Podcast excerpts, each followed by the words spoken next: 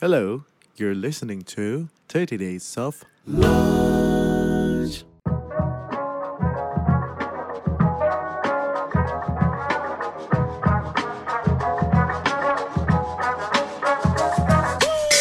mendengar adanya masalah itu bukan sesuatu yang menyenangkan Hmm. justru semangat mencari solusi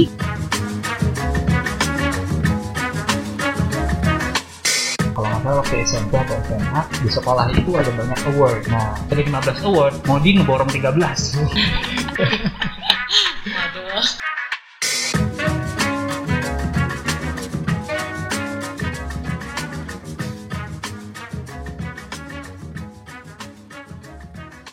Halo semua, welcome back to 30 Days of Lunch, podcast yang menemani makan siang. Sekarang sudah dilakukan secara berjarak, tapi masih menghasilkan hasil yang mudah-mudahan berguna juga buat semua. Yes, nah, episode kali ini spesial banget karena, Karena? kita akhirnya rekamannya nggak berjarak lagi. Oh gitu. Akhirnya bisa ketemu sama narasumbernya langsung. Iya. Dengan protokol yang tepat ya hari ini. ya, betul, kayaknya. tepat, betul, betul, betul. Ah, nggak usah ngitung, tahu loh. Kita di episode 24, sebenarnya gue nggak ngitung loh, tapi 24. Hmm. Uh, kita di sini ditemani oleh Maudi Ayunda. Wow. Halo. Thanks for having me. Glad to have you here all the way loh kita It's an import. honor. Iya, iya. iya. Enggak, kita yang ke sana ini. Oh kita ke sana ya, kita ke sana. ya? Oke oke. Kita nggak di Indonesia ceritanya itu dong, bro. Oke oke oke. Um, Mot, um, Ya. kita waktu mau ngobrol sama lo, Hmm. jujur pusing. Oh ya? Pusing. Karena we feel that? Maudi tuh bisa hampir semuanya. You are an actress, you are a musician, uh, penyanyi, and tapi lo lebih prefer call yourself storyteller ya. Benar. Ya, ya. Storyteller. Mungkin gue mau mulai dari itu dulu sih. Hmm. Kenapa lo lebih seneng dipanggil storyteller? Out of so many things that you can do. Ya. Jadi dari dulu tuh aku selalu mendapatkan pertanyaan kayak uh, pilih mana gitu antara acting atau nyanyi dan nulis lagu dan lain-lain dan gak pernah bisa jawab Iya, karena that's a weird question to me. They feel like the same thing. Nah dari situ kayak aku nge-reflect uh, dan aku merasa bahwa oh ternyata yang aku suka dan aku appreciate dari uh, entah itu acting atau menyanyi itu Hmm. adalah almost the theatrical aspect atau the storytelling aspect. Ah, Bahwa oke. Kita tuh kayak menyampaikan sebuah cerita, menyampaikan sebuah pesan. Hmm. Uh, makanya aku lebih suka menulis lagu dibanding performing Hmm. mungkin uh, dan aku juga uh, dulu tuh basicnya banget itu teater musikal jadi Si. emang gimana ya so that, you know I think that that's what I like about it dan akhirnya karena menurut aku storyteller itu lebih capture what I want to be in the Hmm. creative world Hmm. aku akhirnya jadi um, self proclaimed gitu lah What is it? Bagus sih. What is it about storytelling yang di saat lo telling a story, what di- what do you feel? Storytelling itu kayak lebih therapeutic ya. Mungkin Hmm. storytelling itu lebih internal daripada eksternal. Jadi Hmm. Hmm. kayak if you're performing Yeah. or something, it's kayaknya tuh hanya for others. You are a hired gun. ya or or apa ya? Kayak ada sesuatu yang lebih self obsessed atau apa. Sementara kalau storytelling tuh simple ngobrol aja kita sesama manusia jadinya. Hmm. mediumnya aja beda. Jadi menurut aku tuh kayak it's grounding the notion of acting and singing juga nggak Oke. harus. Kalau buat aku personally bukan untuk you know menang award, bukan untuk sesuatu yang performative seperti itu, tapi lebih ke I need this, I need to do this to An expression of who you are. I want to tell. Gitu. Hmm. Dan makanya mungkin secara role model juga suka banget sama artis-artis yang menulis lagunya sendiri, Ah, menceritakan cerita-cerita mereka, Oke. um, dan emang itulah yang lebih resonate. Hmm. Hmm. Oke, oke. Gitu. Si storytellernya by the way kebawa ke Oxford and Stanford nggak? uh, kebal nggak ya di sana? Um, nggak. Aku kalau misalnya lagi kuliah itu biasanya pengen apa ya? Pengen anonymous banget. Hmm. Jadi kalau dari sisi uh, kreatifnya gitu-gitu di sana ya nggak terlalu sering nyanyi atau apa. Iya, iya, iya. iya. Akhirnya anonymous di sana. Enggak sih, nggak berhasil juga. Tapi paling nggak not really chasing the spotlight Iya, untuk iya. membuat itu sebagai identity di sana gitu. Mm, Tapi yes. ya orang tahu Hmm. Tapi kalau bisa um, mereka juga bisa lupa gitu. Kalau Iya. bisa. Iya, iya. iya. Iya, iya, gue gue sangat tertarik banget untuk melihat karena mungkin banyak dari teman-teman pendengar juga yang Hmm. mungkin belum punya pengalaman untuk uh, berkuliah seperti di Oxford atau di Stanford. Iya. Gimana sih, Mod, setelah menjalani uh, dua kampus itu, how does business school change your perception Iya. about the business world, about Yeah. leadership? So far, ada nggak kayak beberapa dua tiga key takeaways yang lo bisa share? So pelajaran pertama sebenarnya adalah different business schools have different approaches juga. Kayak Iya. Misalnya Harvard dan Stanford are very different. Dan bersyukur banget ke Stanford karena eh, mereka tuh sangat peduli dengan namanya interpersonal dynamics, communication, benar-benar developing your leadership personality. Hmm. pretty big. Jadi kelas-kelasnya tuh juga banyak yang kayak meng- mengajarkan communication tools Iya. Dan mengajarkan empathy as a power Wow. as a, as a powerful tool gitu. Hmm. dan itu kan sesuatu yang biasanya jarang kita pikirkan ya kita Hmm. membayangkan seorang leader itu yang agresif Hmm. yang kuat yang dominan dan Hmm. lain-lain dan notion itu tuh sangat sangat di challenge Hmm. selama aku di sana Hmm. jadi so that's that's one of them. Um, dan yang kedua mungkin selama ini melihat entrepreneurship as something yang berbasis kayak luck gitu. Selama ini kita kalau melihat these entrepreneurs atau yang kayak menemukan startup apa tuh kayaknya tuh kayak wow, you know ada sesuatu yang kayak nggak bisa dipegang dan nggak bisa kita bayangkan gimana sih bisa sampai ke sana gitu.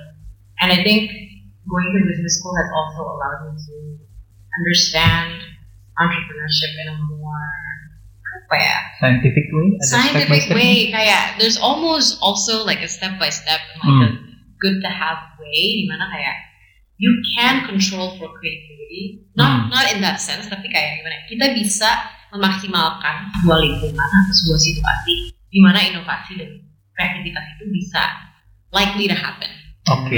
it might not happen and there's no guarantee but there are steps towards that dan um, itu tuh bisa dilatih juga gitu. so Yeah. itu takeaway buat Oke. Jadi Mm-mm. Entrepreneurship itu bukan sesuatu yang terlalu liar, tapi sebenarnya bisa kita pelajari, mungkin ada skill-skillnya, Ya. sehingga menambah probabilitas suksesnya Iya, gitu. iya, ya. iya. Ini gue nggak tahu apa ini karena zaman atau karena Stanford. Jadi kayak Iya. gue juga belajar sekolah bisnis juga kan di Iya. Unpintar. Ya tahun lalu gue baru lulus. Iya. Enggak. Terus gue ngelihatnya kayak sekolah bisnis yang dulu itu kayak Hmm. Financials gimana, accounting Benar, gimana, benar. operations, marketing. Iya, iya. Um, Iya. leadershipnya juga very basics jadi nggak ada Iya. hubungannya kalau Gary Vee sekarang ngomongnya leadership is empathy segala macam Iya. dia nggak ada di sekolah kayak Oh gitu gitu ya? is it about karena itu lo di Stanford atau memang karena zamannya berubah? Iya, iya, iya. Kayaknya zaman sih, zaman sih ya? Zaman Iya, sih padahal gue gak, lama loh lulusnya gue masih denial gitu. Probably it's um, gue ngelihatnya kayak um, startup sekarang itu um, I don't know what can you see from these days startups um, yang lo dapet dari Stanford bahwa apakah mereka just pure luck apakah mereka doing something that we didn't we're not doing gitu? Is I mean, something? sebenarnya ada juga sih kelas-kelas itu semua juga ada yang Uh, kayak iya, you know, basics ya. financial, Uh, accounting, iya, iya, um, all of that. Cuman mungkin kalau dari sisi empathy dan kayak gitu-gitunya itu sebenarnya juga spesifik ke Stanford sih. Jadi Hmm. orang selalu bilang kayak Stanford dibandingin Harvard itu dia lebih kayak feeling, feeling. Jadi Ya, jadi ya, ya. sekolah yang feeling, yang peduli dengan kayak apa ya leadership approach, I peduli see. itu dengan jadi banyak banget Ya. kelas-kelas experiential yang kita tuh disuruh role play, how to fire someone, Wow. how to dan itu di depan teman-teman rame-rame dan itu kita analisa bareng itu barusan how did that person do it? Coba did that ya. person do a good job? Coba Gitu-gitu. Lo menang Gua menang. dibayar sama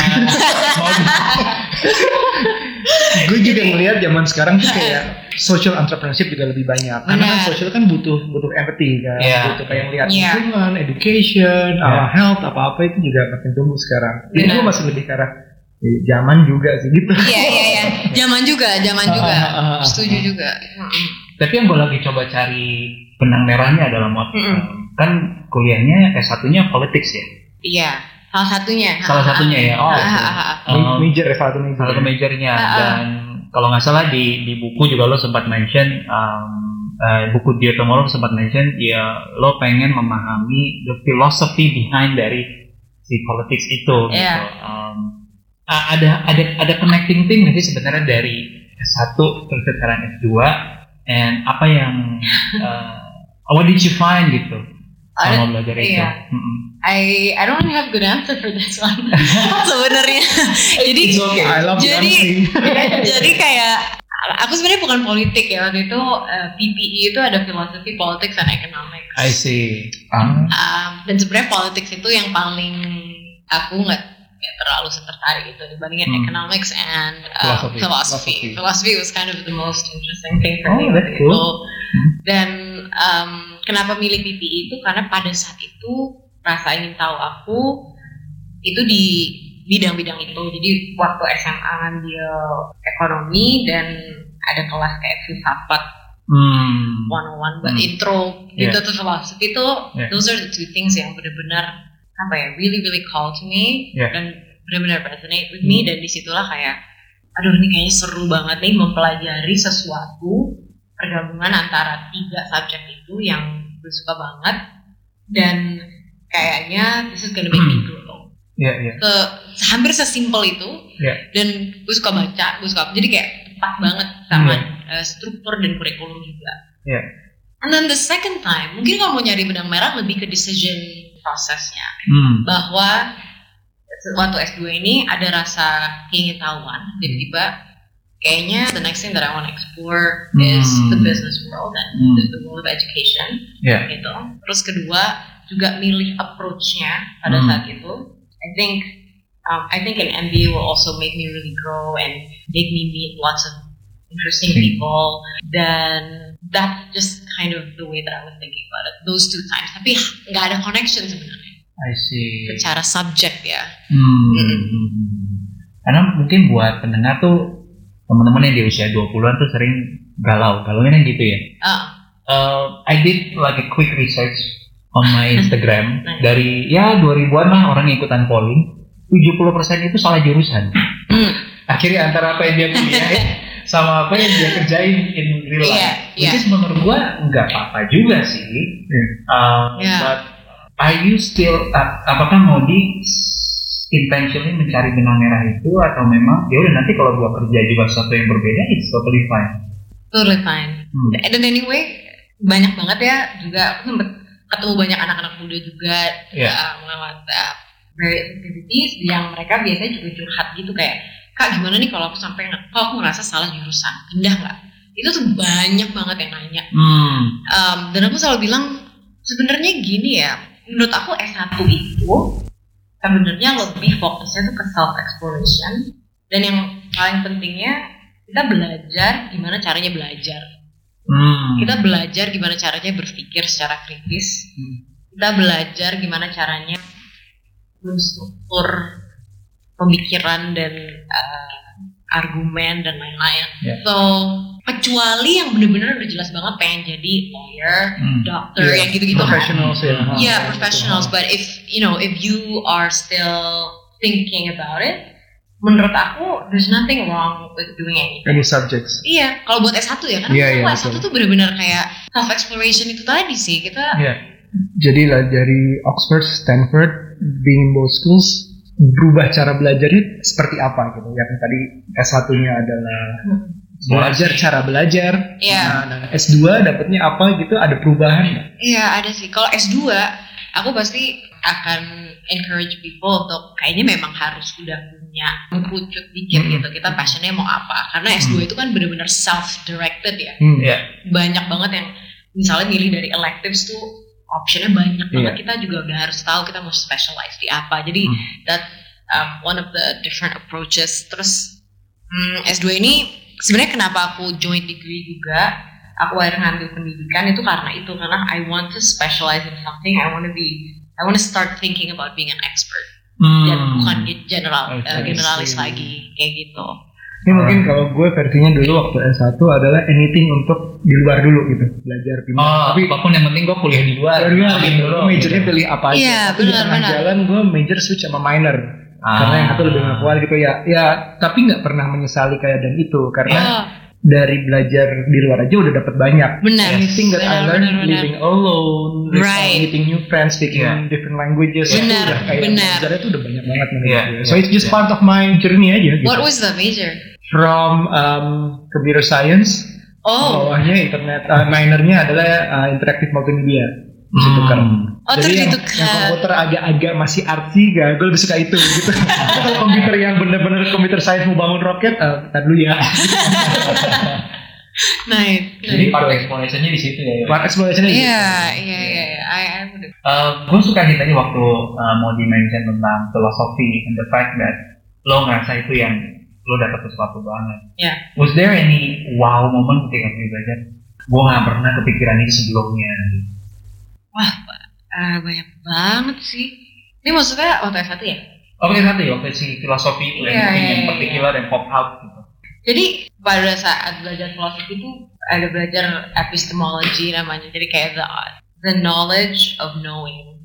Jadi kayak the Hmm. process of knowing anything at all. Hmm.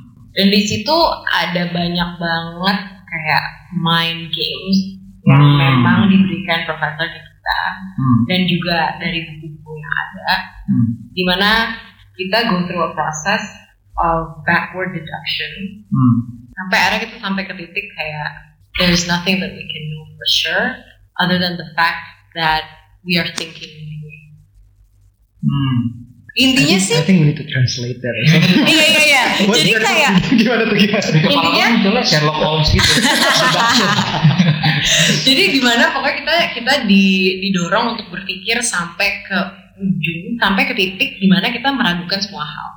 Hmm. Critical thinking kayak gitu. ya. Critical thinking sih sebenarnya. Hmm. Dan di situ mungkin sebagai you know sebagai anak muda yang juga you know, coming from a lot of different beliefs, different thoughts dan lain-lain uh, sampai ke titik di mana oh I have to question everything. Gitu. Hmm. It's, itu cukup menjadi sesuatu yang menarik sekali sih karena jadi identity crisis juga sempat karena kayak Hmm. you know sempat Iya. ada resistance juga pada saat itu you know I was like an 18 year old 19 year old Iya. you know Iya, jadi jadi definitely mengulik kayak krisis-krisis identitas jadi kayak you know questioning a lot of things you know so I think that susah sih ngejelasinnya tapi itu yang paling mind blowing pada saat itu Karena Hmm. uh, mungkin sebagai orang Indonesia kita semua juga dibesarkan dengan banyak yang udah nurut aja, just because gitu. yes Gitu. yeah. Banyak banget di sekolah-sekolah Iya, iya, kita. Itu gitu, benar banget. uh, guru atau orang tua mungkin ada beberapa yang nggak bisa menjelaskan kenapa,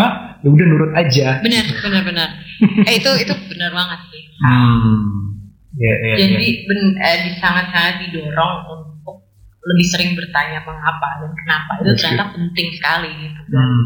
dan itu juga sempat shocking karena ternyata kita pun harus beradaptasi ya critical thinking itu sesuatu yang harus diasah juga Hmm, benar. jadi pada saat em, kelas jadi aku tuh kalau kelas di em, di Oxford itu emang unik banget profesornya satu muridnya cuma dua tiga Wow.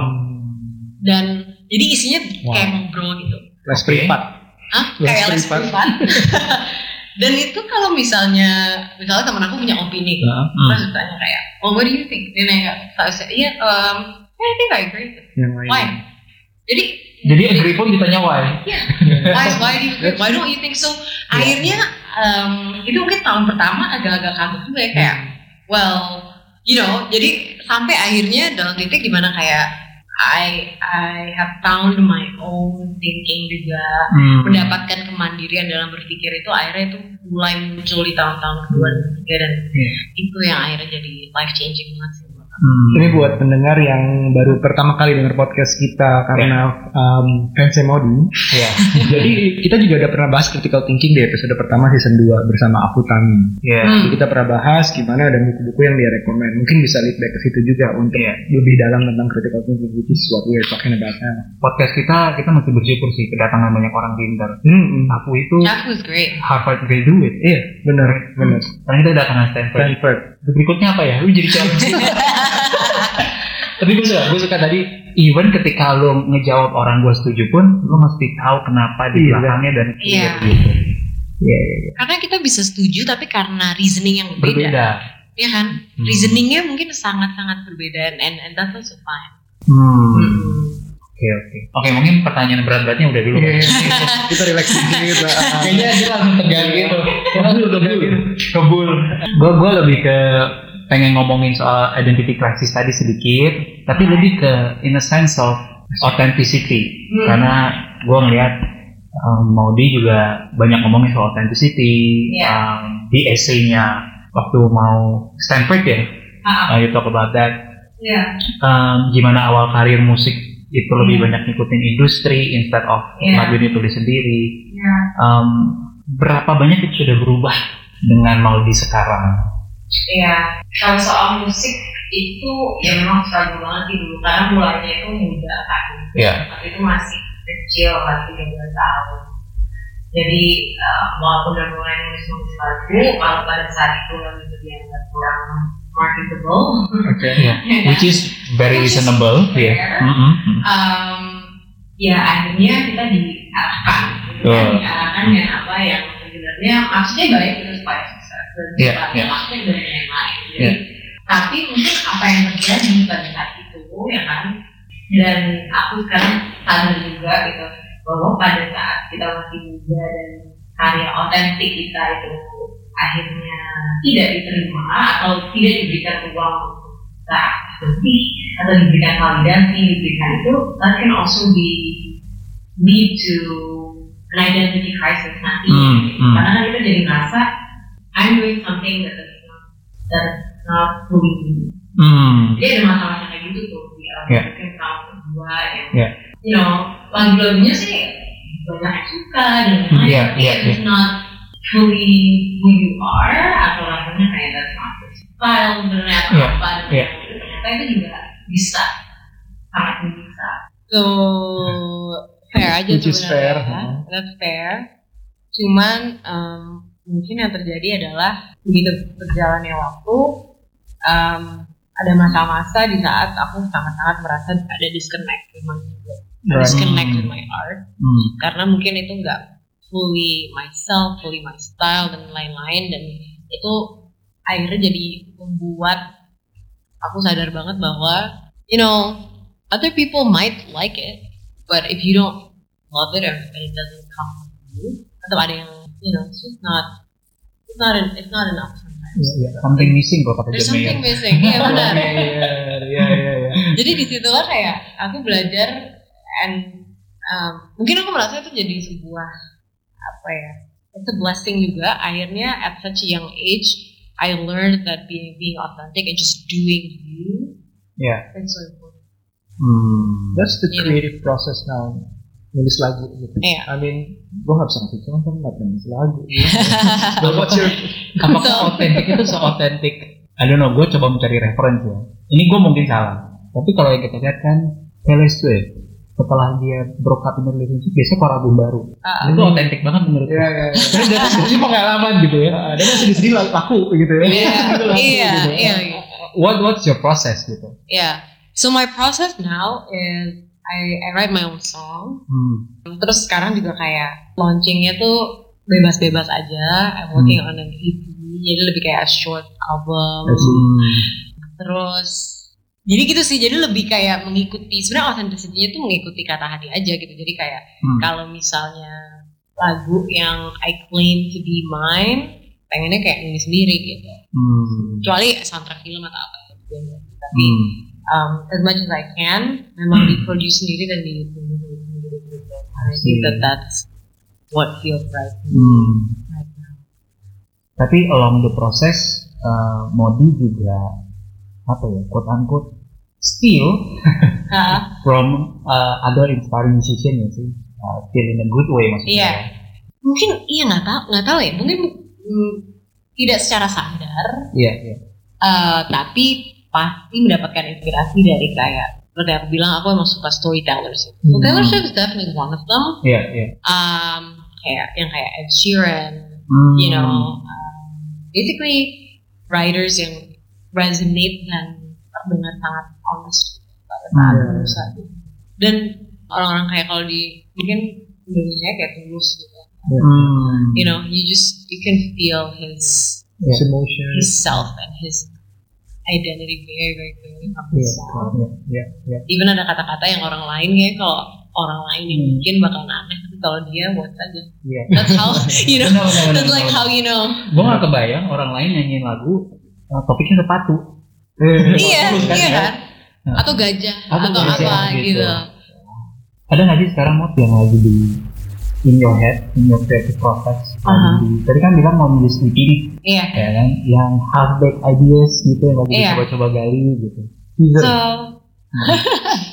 sekarang ini tuh lagi kayak pengen eh, rencananya ngeluarin EP itu juga bareng buku gitu Hmm. Oh. buku baru lagi atau dia tuh mau? buku baru lagi Buku baru lagi, buku baru lagi karena mungkin karena sisi storyteller itu ya jadi I just cuman menggunakan dua medium gitu jadi Oke. kayak pengen bercerita tentang basically kayak tiga tahun kemarin gitu Hmm. tapi mungkin ada ada sisi cintanya juga kalau lagu kan pasti ya Hmm. gimana ya you can't escape the deepest emotions jadi mungkin soal juga soal my other identity crisis yang nggak somehow nggak pernah selesai juga Hmm. Oke. you know Oke. so um, itu mungkin ya what's what, I, what I'm working on Asik.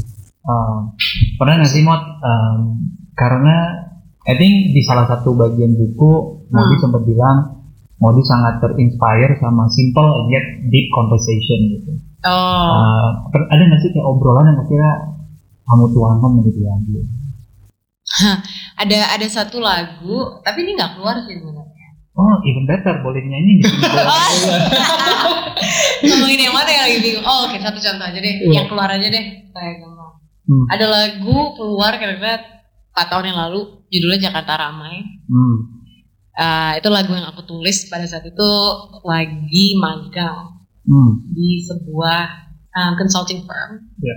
ceritanya dan lagi pada saat itu ada series of events di mana pulang kantor macet Hmm. waktu itu masih naik kayak cab gitu terus looking out ngeliat orang-orang di bus ngeliat orang di motor dan lain-lain terus ngobrol dengan sesama ngobrol dengan sesama apa ya oke. coworkers dan Hmm. lain-lain dan like keluarlah sih lagu itu Jakarta Ramai yang liriknya itu tulisannya Jakarta Ramai hatiku sepi kayak jangan kau tanya kenapa aku sedih Hmm.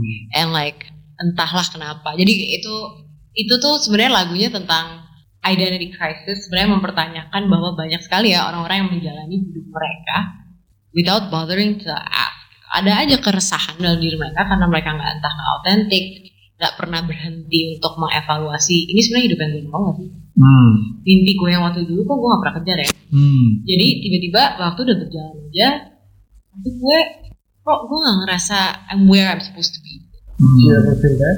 Is that easy? Was that easy? I you know I I felt that tapi mungkin lebih pentingnya kayak sempet ada masa di mana I forecasted gitu maksudnya kayak ngebayangin ke depan jangan sampai gue sampai pada titik itu gitu Hmm. kalau kita nggak intentional Hmm. karena pada saat itu kerasa nggak tahu kenapa ya mungkin karena waktu itu magang terus pula ada ada monotonous yang gue sangat nggak terbiasa biasanya kan kalau dunia kreatif kayak gini dynamic banget. ya. dynamic banget secara schedule kan. Iya, Tiba-tiba, you know, back to the kayak 8 to 10 or whatever it is, definitely not 8 to 5. Jadi kayak 8 to 10 or something dan setiap hari dan Iya. ada sesuatu yang tiba-tiba mengusik di situ dan ada obrolan-obrolan juga dengan teman-teman komunitas yang wow like dan yang menginspirasi pada saat itu adalah tatapan-tatapan kosong di jalan Wow. yang if you like look Like out the robots. window Iya, iya. dan ngeliat orang uh, even kelihatan dari kaca ber Hmm. people are just- kalau sekarang mungkin orang Handphone. ya. tapi pada saat itu masih ada yang enggak dan bengong aja Hmm. and that jadi itu salah satu contoh di mana kayak conversations atau observations akhirnya bisa jadi source of inspiration buat aku ada lirik yang kayak apa apa kata hati kecilmu kenapa kenapa kau apa ya kenapa kau lupakan begitu saja gitu. jadi kayak Hmm. dreams and inner sayings yang mungkin selama ini kita abaikan gitu demi kepentingan-kepentingan lain dan Ya. akhirnya kita don't the. Something like that. Apa arti resah ini? Entah apa yang ku mau, temukannya dalam diri Jakarta Hmm. ramai. Jakarta ramai. Iya. Gue entah kenapa ya. Ini ini yang seru sih kalau obrolan seperti ini. Hmm. Di kepala tuh langsung muncul scene dari film Up in the Air. Di mana Oh, si George iya. Clooney Hmm. ngomong kalimatnya kayak gini. Berapa yang mereka bayar untuk mimpi? How much did they pay you to let go of your dream? Iya. Iya. Oh, merinding langsung. Eh, emang itu kan tadi yang yang yang Iya. mulai di-inspire kan. Kita Iya. ngelewatin hari ke, ke hari demi hari ya, ya mungkin for the most part untuk survival gitu. Iya. untuk si duit tapi akhirnya kita kadang lupa untuk melihat di mimpi di dalam kita lagi Iya. Oh. Iya. Karena ternyata dunia itu kayak mungkin kita pikir awalnya cuman ya dua tiga tahun dulu lah ini nanti akan gue lakuin dan, dan ternyata time is so apa ya so quickly and we might not have that chance again if we don't be intentional about it. you know. Hmm. Hmm. Ya. Dan mungkin di situlah gue akhirnya kayak S2 juga, gue Hmm. akhirnya lain-lain gitu. Hmm. Karena udah terlalu nyaman pada saat itu. Iya. With my work and my stuff. But I don't know if this is what I want to do. gue senang lo memunculkan kata intentional Hmm. Ah, banyak sekali anak-anak mungkin misalnya kalau ngomong anak-anak kesannya ngecilin orang yang dengerin Iya, iya, Enggak, Kayak sekarang teman-teman tua udah itu aja sih kalau ngomong anak-anak kita tua gitu. Iya, Enggak apa-apa kok. Iya, iya, iya, iya. Jadi eh, adik-adik dengerin kata om ya. Iya, iya, iya. Gue melihat banyak yang memang nggak se-intentional itu. Artinya ya udah ngalir aja. Hmm, iya. Sementara menurut gue ngalir itu ya lo nggak being intentional buat your life. Dan gue jadi seneng eh, ketika baca bukunya Modi. Anyway, I, I finish your book. Oke, jadi gue gue karena gue pengen mendalami gue cukup yakin nih Modi is kayak apa ya, harusnya dalam nih orang harusnya dalam nih ya. Eh, dan ada satu kalimat yang gue suka banget Modi if you are confused about the type of the work that gives you happiness Yeah. think about the kind of life that you want to live and let that vision get away itu kalimat yang mau ditulis gitu. Dan menurut gue itu sangat mewakili kata intentional tadi. Yeah. boleh nggak sih cerita em, momen apa yang lo alami sehingga akhirnya lo bisa mikir oh ya quotes yang tadi. Iya. Um, So much wisdom. lucu banget sih sebenarnya dengar kata-kata itu lagi ya. Soalnya it feels like a different person juga. That was me five years ago or 20 jadi kayak wow. kayak ngedengerin somebody my old self reminding me. Lucu hmm, sih. hmm, hmm. Um, kayaknya sih pada saat itu inspirasi dari kata-kata itu adalah aku lagi dalam titik di mana aku sadar bahwa passion itu um, gak selalu udah dimiliki setiap orang dari lahir. Seakan-akan kan kita tuh berasumsi bahwa passion itu sesuatu yang kita cari dan Dari kita dalam. gali Hmm, terus hmm, akan hmm, muncul, akan reveal gitu. Iya. Dan itu tuh sebenarnya menurut aku bisa cukup toxic ya. Iya. Karena kalau kita berasumsi bahwa passion itu udah ada, Iya. kok gue gak nemu-nemu frustrasi gitu kayak dia ada, cuman somehow gue gak nemu-nemu dan akhirnya nggak bisa happy gitu. Iya. Sampai aku di sebuah titik di mana aku cukup ngerasa I'm exposed to so many things. Iya. Masih belum ngerasa ada yang passion-passion amat. Sebenarnya passion tuh apa sih? Iya. So akhirnya what I started doing lebih reflecting adalah mungkin passion itu justru diasah ya. Jadi kita lebih mikirin kita tuh kalau hidup mau seperti apa, impact apa yang kita mau bawa, Hmm. ya kan? Pekerjaan itu kira-kira yang allow us misalnya to spend time with family dan lain-lain. Dan mungkin kombinasi itu kalau kita desain akhirnya itu menjadi passion kita. Hmm. You know what I mean? Iya. Jadi Jadi kayak di, di work backwards gitu ya. work backwards gitu. Hmm. karena lama-lama jadi percaya juga mungkin apa pun yang kita put enough time kita become good at it Yes. kita mencapai objektif-objektif hidup kita yang lain karena Yeah. kita misalnya bring impact kita influential kita punya work life balance atau Yeah. apa pun itu Dan orang bersedia mereward Iya. itu dengan income yang cukup buat kita. Hmm. Ha-ha, jadi kita cukup happy dan um, and it's something we're good at those Yeah. two things I think that that's you know that's the other word for passion that's that's that's what you should go for dan akhirnya di titik itu sih kayak um, that's why I made the decision S2 seperti itu dan kenapa akhirnya aku nggak terlalu lagi memikirkan I want fun lebih kayak I wanna find the most optimal thing that I can do to make me and others happy and be useful and be impactful. And that's what matters. So passion for me now is a little. Hmm, oke. Kayak gitu. we, we talk about several episodes about um, ikigai ya. Iya, iya. Passion berapa kali kita Oh, itu. iya, iya, Ikigai, what you good at, what the world can pay you for segala macam dari empat um, ketemu di tengahnya Ah, gitu.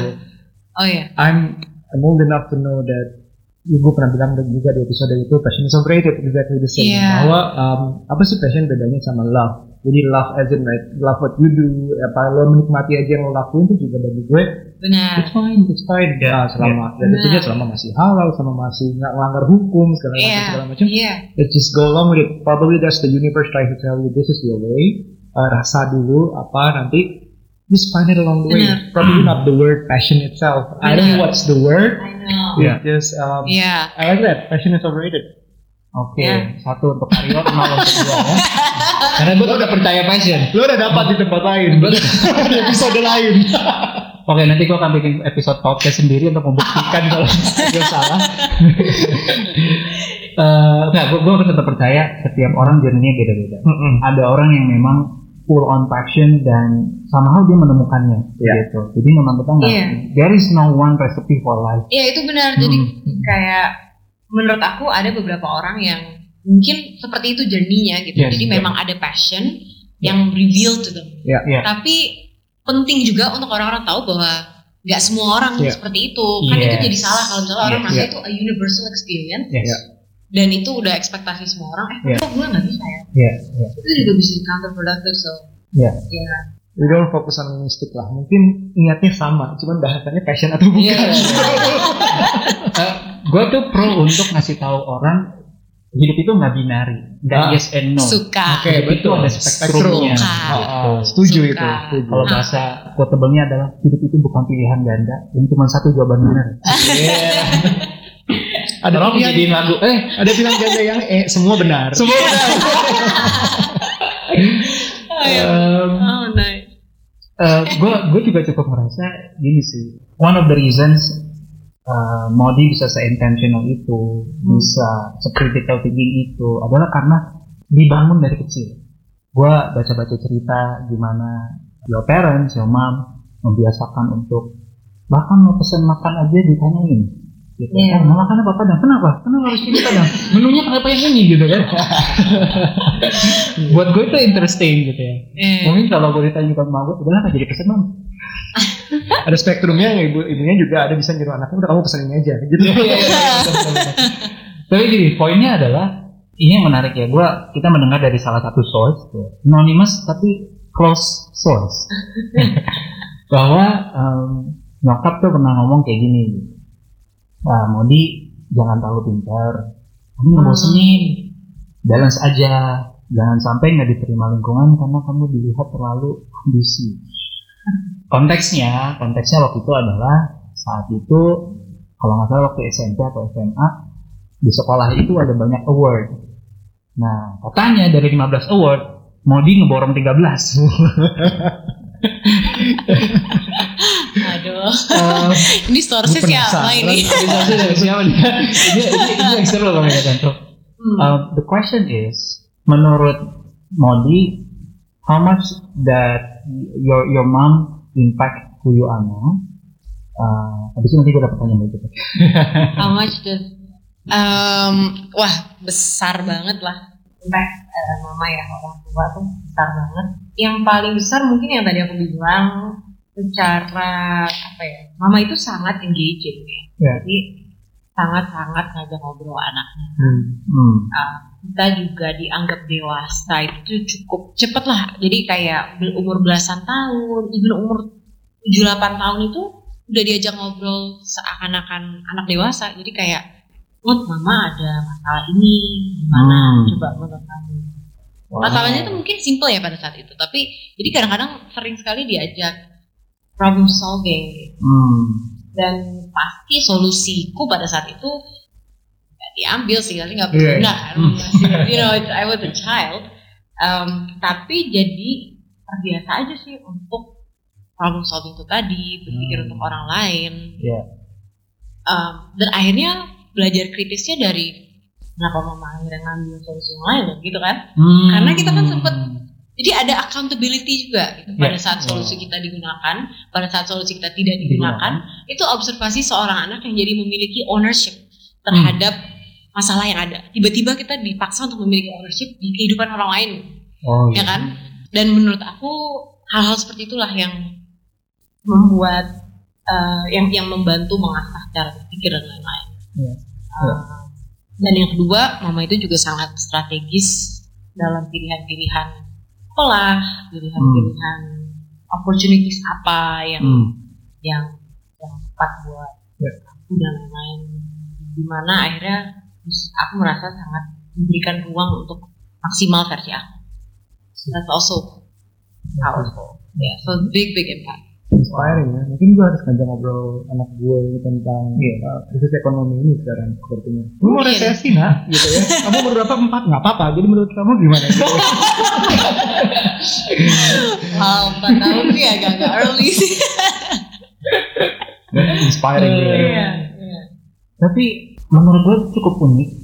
Hmm. Uh, di mana dari muda diajak untuk berpikir kritis. Hmm. Um, in a sense menjadi challenge tersendiri juga buat Modi. Do you consider that as tough love? Karena banyak loh anak-anak yang mungkin ah gila gue harus men- men- story apa pageant itu ya ah, apa namanya um, dukungan dari orang tua gitu Iya, iya, maksudnya kayak uh, Hmm. jadi orang tua tuh memaksa, bukan memaksa ya, mengkondisikan si anak dari muda tuh untuk menerima kesulitan dalam hidup. Jadi Iya. sengaja dihadirkan supaya dia dewasa. Do you consider that as? Or? Eh, I mean, mama tuh memang ya ada ada aspek love-nya maksudnya disiplin dan eh, itu tadi ya kayak juga nggak terlalu shielding us from the horrible and the bad parts of the world. Hmm. Ada ada orang tua yang mungkin "Lu enggak anakmu jangan ngelihat hal-hal yang ya tentunya bukan yang Iya, iya. nggak semestinya ya, cuman harus apa ya kita protect Hmm. sampai umur tertentu gitu Iya. untuk tahu bahwa love is hard or like Iya. relationship Life are is hard, hard, iya. friendship is hard atau apa pun itulah Iya, hal-hal iya. simple gitu. so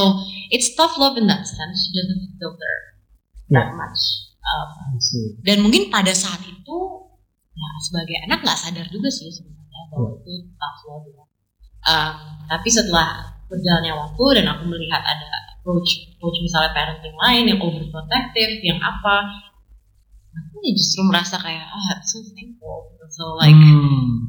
karena mungkin jadi merasa mendapatkan head start ya kan Masih. mendapatkan head start dalam um, menganalisa dunia gitu. Ya. Um, jadi nggak terlalu takut sama masalah. Itu udah terbiasa ada mendengar adanya masalah itu bukan sesuatu yang menyenangkan Hmm. justru semangat mencari solusi kayak gitu gitu Wow. kan so um, that's what's powerful I jadi Ya. tough love-nya yang seperti itu I really welcome Ya. Bagi orang tua gimana? Sama Siwa dan I see I see uh, uh, parenting tuh kayak dulu dan sekarang kan jauh jauh banget Iya. ya Um, iya benar some of us given the, the tough love the very physical kind of tough love ya Ya, nah that's sekarang different situ iya lah itu ya. beda smack in itu the beda head or the Gue ngalamin sih stuff dari pinggang dan kemoceng tuh. Nah kan Ah, iya, emang, iya sih. emang ada tough love gitu tapi back then the reasoning from our parents juga kayak hey it's a tough world out there lo harus Iya. siap Iya. at least kayaknya yang gue yang nyakitin lo dalam tanda kutip ini adalah at least gue orang tua lo nggak akan mikir dengan sebetulnya mungkin defense-nya gitu tapi Iya, kalau iya. sekarang kan ya to be politically correct you need to you know you need to educate your children with love with Iya, apa iya, iya. gitu jadi kayak gue sebagai parents masih kayak finding the Iya, balance it's tough. aja It's gitu susah sih memang Susah. Memang sama kayak tadi ya, nggak ada satu resepsi yang khusus. Benar. gitu, Iya, dan benar, Kita benar. ke masing-masing anak. Benar. Mungkin Benar. Modi sama adiknya juga nyokap approach-nya sedikit berbeda kan. benar benar Hmm. benar benar dia uh, mama tuh cukup customize parenting Customize, gitu. karena banget ngomong kan kalau kamu tipenya begini jadi mama ngelihatnya nah baiknya kamu begini kalau ada yang Hmm. beda lagi kayak gitu ya sedangkan anak-anak kan selalu mintanya oh itu dapatnya ini gitu deh Iya.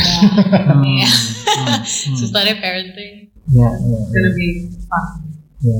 Gua mau menanyakan sesuatu tapi if you want to answer this, I think Sure. it will be insightful buat pendengar. Okay, Kalau okay. enggak pun ya apa-apa. Oke. Again, anonymous source. Oke. kita dapat cerita bahwa di luar sana mungkin banyak orang-orang yang melihat mode itu privilege. Hmm. Nah, dan memang kita gampang banget kalau nggak dari luar langsung put a label on some people. Iya. Tapi kita tuh penasaran sampai kayak kita cari benar masih. Ah. Dan datanglah satu cerita bahwa uh, banyak yang mungkin orang belum tahu adalah the financial sacrifices yang keluarga atau mungkin in this case uh, nyokap lakukan supaya Modi bisa berada di pilihan-pilihan yang ba- yang lebih baik mungkin uh, di sisi sekolah. Hmm. Jadi privilege itu soal pilihan. Hmm. Uh, in this case mana uh, Mama Modi memilih untuk gue mendingan invest di sekolah yang baik buat anak gue daripada gue invest di fasilitas kendaraan rumah atau mungkin yang lain-lain yang Hmm. justru dipilih untuk lebih Yeah. sederhana. Apakah memang itu yang terjadi waktu uh, Modi growing up? Iya, iya, that's kind of accurate sih. Jadi yang tadi aku bilang mama tuh sangat luar biasa dalam strategi. Jadi Iya. misalnya waktu aku SMA itu aku dikirim ke sekolah yang mahal banget dan bagus banget, tapi ya, very expensive. Tapi pada saat itu strateginya tapi cuma buat tahun itu doang ya. Jadi karena itu di ujung untuk Oh, kesempatan jam- S- batu S1 loncatan. untuk batu loncatan. Jadi bukan yang terus dari SD, dari Hmm. TK terus dikirim ke situ. Jadi semuanya tuh kamu em, awalnya tuh aku juga di sekolah, di sekolah negeri, di sekolah. Jadi dipindahinnya tuh pelan-pelan gitu. Iya. Hmm, As hmm. their um, financial ability Jadi, meets ya. it, mereka oke baru pindah. Ini baru ini, ini mungkin nggak ya itu juga sangat-sangat dipikirin, dihitung dan Iya. lain-lain. Jadi it's not like there's an abundance of unlimited money yang Hmm, emang iya. bisa langsung dikirim ke sekolah yang bagus banget itu dari Dari awal. Kecil. Jadi kecil. Hmm. itu. Jadi it's a reiterative process. Iya. Dan itu yang luar biasa banget. Aku bilang ke mamaku kayak, mama ini kalau sampai this, kayak mungkin aku nggak sampai ini ya. Maksudnya kalau nggak se-intentional itu.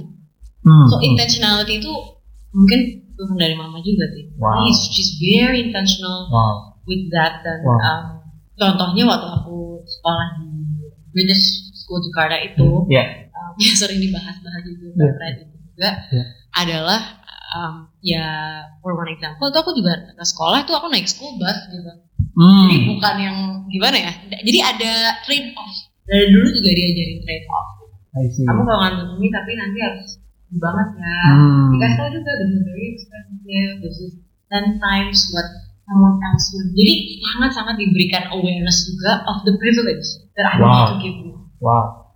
Uh, Does it put pressure on you? Or? um, not Atau really motiv- atau tau ya motivate apa? Karena ada orang yang kayak um, ya di pressure malah bagus gitu. Hmm. Ya Iya. diamonds probably gitu butuh pressure sehingga Iya. akhirnya bagus. Atau memang yang di- perlu diberi kebebasan kalau misalnya dikasih tahu sesuatu harga sekolah misalnya Ah, ah. mahal gitu. Oh, how does that make you feel? Mungkin karena pada saat mama juga bilang waktu itu customize juga gitu kamu tuh dulu menang award banyak banget soalnya. Ya gitu. Kan melihat ada potensinya mungkin worth it nih mama gini gini gitu loh. Iya, iya. so dia juga bilang kayak mama juga ngebaca kapabilitas kamu bukan yang yang gimana. Jadi she wants to maximize my potential itu diajak ngobrol tapi ya nggak terlalu pressure sih. Sebenarnya lebih kayak what you have this opportunity? Hmm. kalau kamu ke sekolah ini, kamu range of possibility sekolah kamu tuh lebih banyak, Hmm. ya kan? Hmm. Nah, karena situasinya beda mungkin, kurikulumnya lebih Ya, pas. ya, ya, ya. We want, jadi it's almost like a collective decision, Hmm. a collective in- investment decision yang Yeah. I'm also a stakeholder in that, you know, and um, jadinya ya nggak terlalu pressure juga, tapi lebih kayak I'm aware bahwa you know I have to turn this into something good dan gak useless for my parents Wow. yang making that decision. But Hmm. policy privilege ini, I'm actually sama sekali kayaknya kayaknya banyak sekali waktu ada pembahasan soal privilege iya, ini iya. ya, iya. banyak banget tuh yang pro kontra dan Iya. juga merasa harus membela. Iya. And I'm, I'm I really appreciate that. Tapi memang I don't have an issue in in acknowledging that I have privilege. Iya. Dan aku bisa memiliki parents yang bisa strategis itu aja itu udah privilege Iya. biasa kan. Iya. Kayak itu harus di acknowledge dan kombinasi strategi dan juga some financial means lah untuk membuat itu terjadi. Yeah. itu udah privilege banget Yeah. so I I will not shy away from the fact that I Yeah. come I was very blessed Yeah. upbringingnya Yeah. dan juga I think that acknowledging privilege is the key or one of the very important points juga to tackle Yeah. big social issues like racism, sexism, Hmm. and everything. So the conversation of privilege is important dan people with privilege have to acknowledge it. Ya. Ya. Itu penting banget gitu untuk Yeah. kita bisa. Yeah. Ya itu tadi sexism, racism semuanya. It's coming from people yang in power, people yang in privilege itu Yeah. acknowledge that. Nah, gue ngerasa conversation itu bikin jadi kayak privilege is a bad word. It's not actually a Benar. bad or a good word. It's like Iya. it's a word. Benar. Dan tergantung spektrumnya di mana dibandingkan dengan siapa yang punya apa segala macam. Bahkan conversation itu bikin keadaan jadi kayak terus gue privilege ya. Jadi kalau gue bilang gue punya apa, gue jelek dong. Jadi gue gue diem Hmm. aja deh. Gue nggak ngapa-ngapain deh. Benar. It's actually ya you don't do anything. Benar. Padahal lu privilege, padahal lu punya akses ini, padahal lu punya Iya, iya, pinteran iya, iya. ini, punya ini, punya itu. Jadi malah diem aja. That's, Mm-mm. that's the time that I feel the first time that I feel that privilege jadi kayak gina ya Iya gitu. Benar, sih, benar, iya benar. Gue tuh sempat ngeri ngomong gue privilege karena gue takutnya gini. Let's say gue bilang gue privilege karena gue bisa sekolah tinggi. Mm-mm. Sementara apakah dengan gue ngomong kayak gitu itu berarti orang yang nggak sekolah setinggi gue underprivileged? Makanya. Belum tentu loh. Belum tentu. Bisa belum jadi tentu. karena dia sekolahnya tertinggi itu dia dapat experience yang gue nggak dapet. Benar. Benar. Gitu. And there's another form of privilege yang dia dapat misalnya karena gue sekolah tinggi tapi sekolah gue homogen. Hmm. Benar. itu, itu aja. Benar. Dia sekolah nggak tinggi tapi heterogen, temennya ini Benar. banyak. Ah. Benar jadi, banget. jadi buat gue, gue jadi takut ngomong privilege karena on the other side secara nggak langsung gue langsung bilang orang underprivileged. Padahal maksudnya Padahal itu. enggak. Enggak. Iya sih. That's that's a really really good point. Ya, dan Hmm. actually that's one of the reasons kita bikin podcast ini. Yeah. Justru menyadari bahwa we have the privilege untuk mungkin punya akses, Yeah. kita bisa duduk Hmm. sama Modi, bisa tahu pemikiran lo di belakang, bisa dapat insight Hmm. dan wisdomnya. Kita bisa bagiin ke tapi Indonesia, modalnya ya kuota aja dengerin. So that's, benar. that's how we uh, take responsibility of the privilege we Benar. Benar. Iya, iya. Hmm, Kita gitu. I think obrolannya udah banyak seru banget. Gua gua ngerasa kita belajar banget.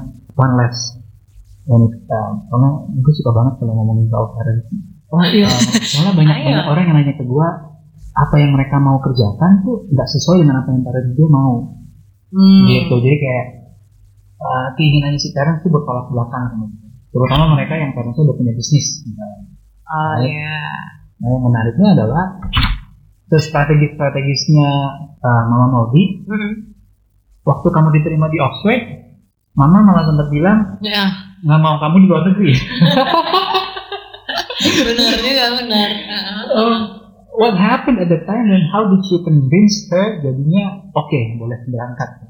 Em, jadi pada saat itu mama itu banyak ketakutan aja sih. Waktu Hmm. itu kalau aku lulus pada saat itu tuh 17 tahun. Hmm. Dan mungkin mama membayangkan mengirim seorang anak 17 tahun ke luar negeri ya kan. Em, ini jadi apa dia? I can Iya. imagine.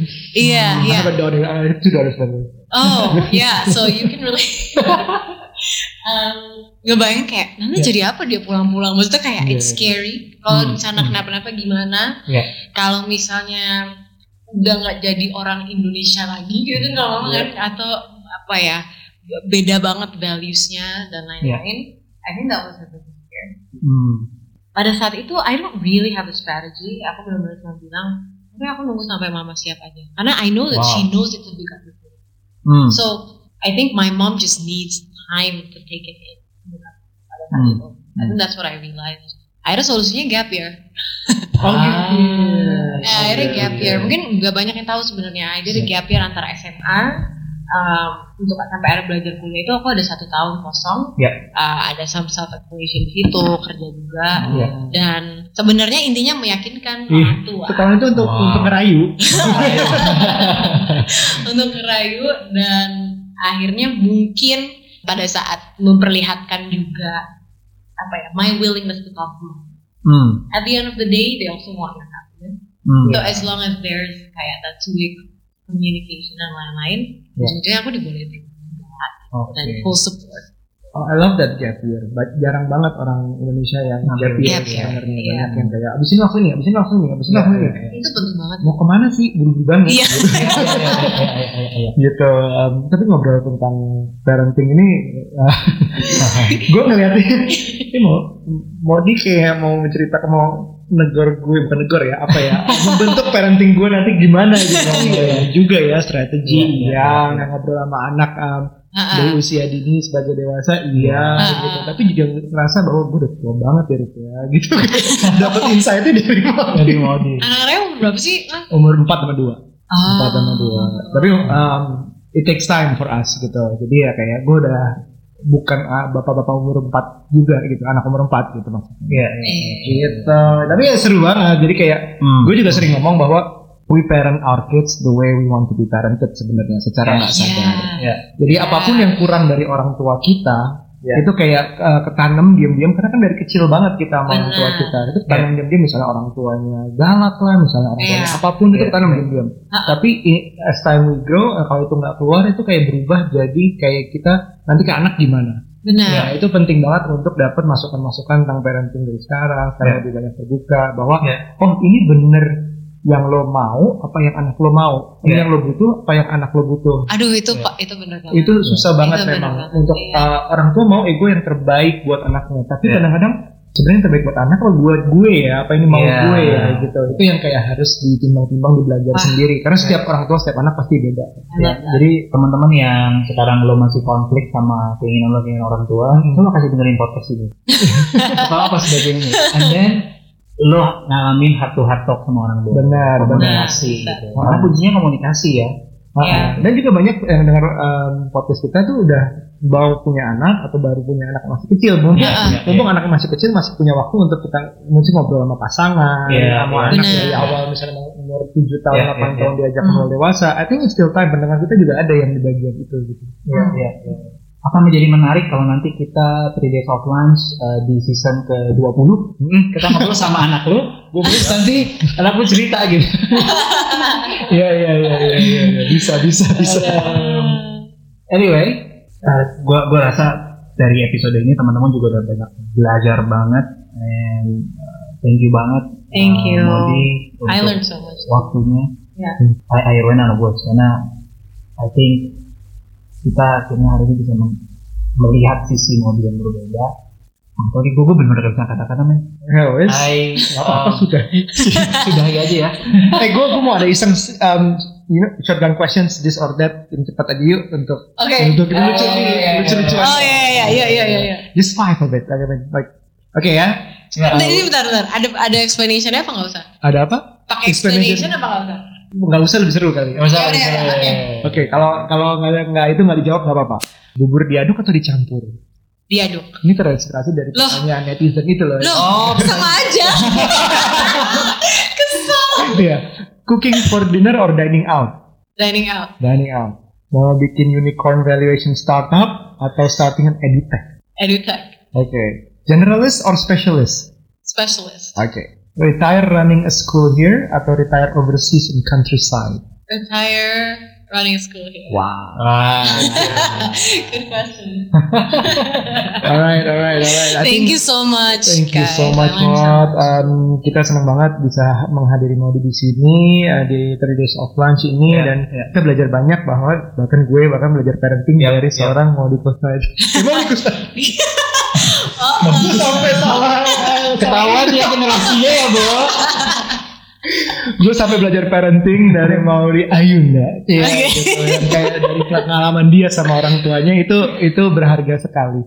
Ya. Terima kasih banyak. Ya, eh, dan gue juga nangkep eh, begitu banyak buat teman-teman yang di usia 20-an eh, yang lo bisa belajar dari pengalamannya Modi bagaimana lebih dari apa pilihan dia kuliah, lebih dari apa pilihan dia dalam hidup, tapi pelajari juga reasoning behind Modi. Itu menurut gue the key takeaways dari obrolan kita hari ini yang ternyata dalam banget dan gue suka banget soal parenting. Um, orang tua itu pada dasarnya nggak pengen pengen yang terbaik buat lo, Ya. Uh, walaupun kadang-kadang sedikit berbeda, you just need to communicate. Ya. Uh, Iya. uh, Right, sampai ketemu di episode berikutnya mungkin? Sebentar. Oh belum. Ada Oke. satu yang gue pengen tanya ke Modi. Ini a new concept. Ya, abis itu Oke. mungkin kita akan tutup. Pernah dengar nggak mau tentang multi potential life? Belum. Belum dengar ya? Belum. Oke, dan ini mungkin menarik untuk digali. Um, jadi multi potential life itu adalah orang-orang yang mereka punya multiple interest, Hmm. bukan seperti generalis saja, bukan seperti jack of all trades. Oke. Kalau jack of all trades rata-rata mereka punya banyak skill, tapi cenderung uh, di permukaan. di permukaan. Hmm. Mereka multi potential adalah orang-orang yang memang spesialis di beberapa hal. Wow. Uh, um, dan uh, related to opening kita tadi, mau dia adalah penyanyi, Hmm. uh, musician, um, apa namanya actress dan juga Untuk dia master. ya, untuk dia master, mungkin nanti dia akan bikin bisnis. Um, apakah mau di mengconsider yourself sekarang generalis, spesialis atau multi potential life? Nah, ada kata baru lagi. Itu juga. Gini deh, gini deh. Multi potential itu keren banget konsepnya. Jadi I don't want to self proclaim, tapi I'm an aspiring. I'm Oke. an aspiring um, multi potential life. Alright, Nah, ini obrolan multi Masih potential ini. proses. Yes, masih proses. Um, semoga ya, we, we wish the best for you. Thank you. Um, semoga teman-teman semua yang penasaran soal multi potential life, um, kita akan ngobrol lagi lebih dalam sama Maudi. Tapi mungkin nggak di podcast 30 Days of Lunch. Kita akan ngobrol lebih dalam lagi nanti di podcast Kejar Mimpi.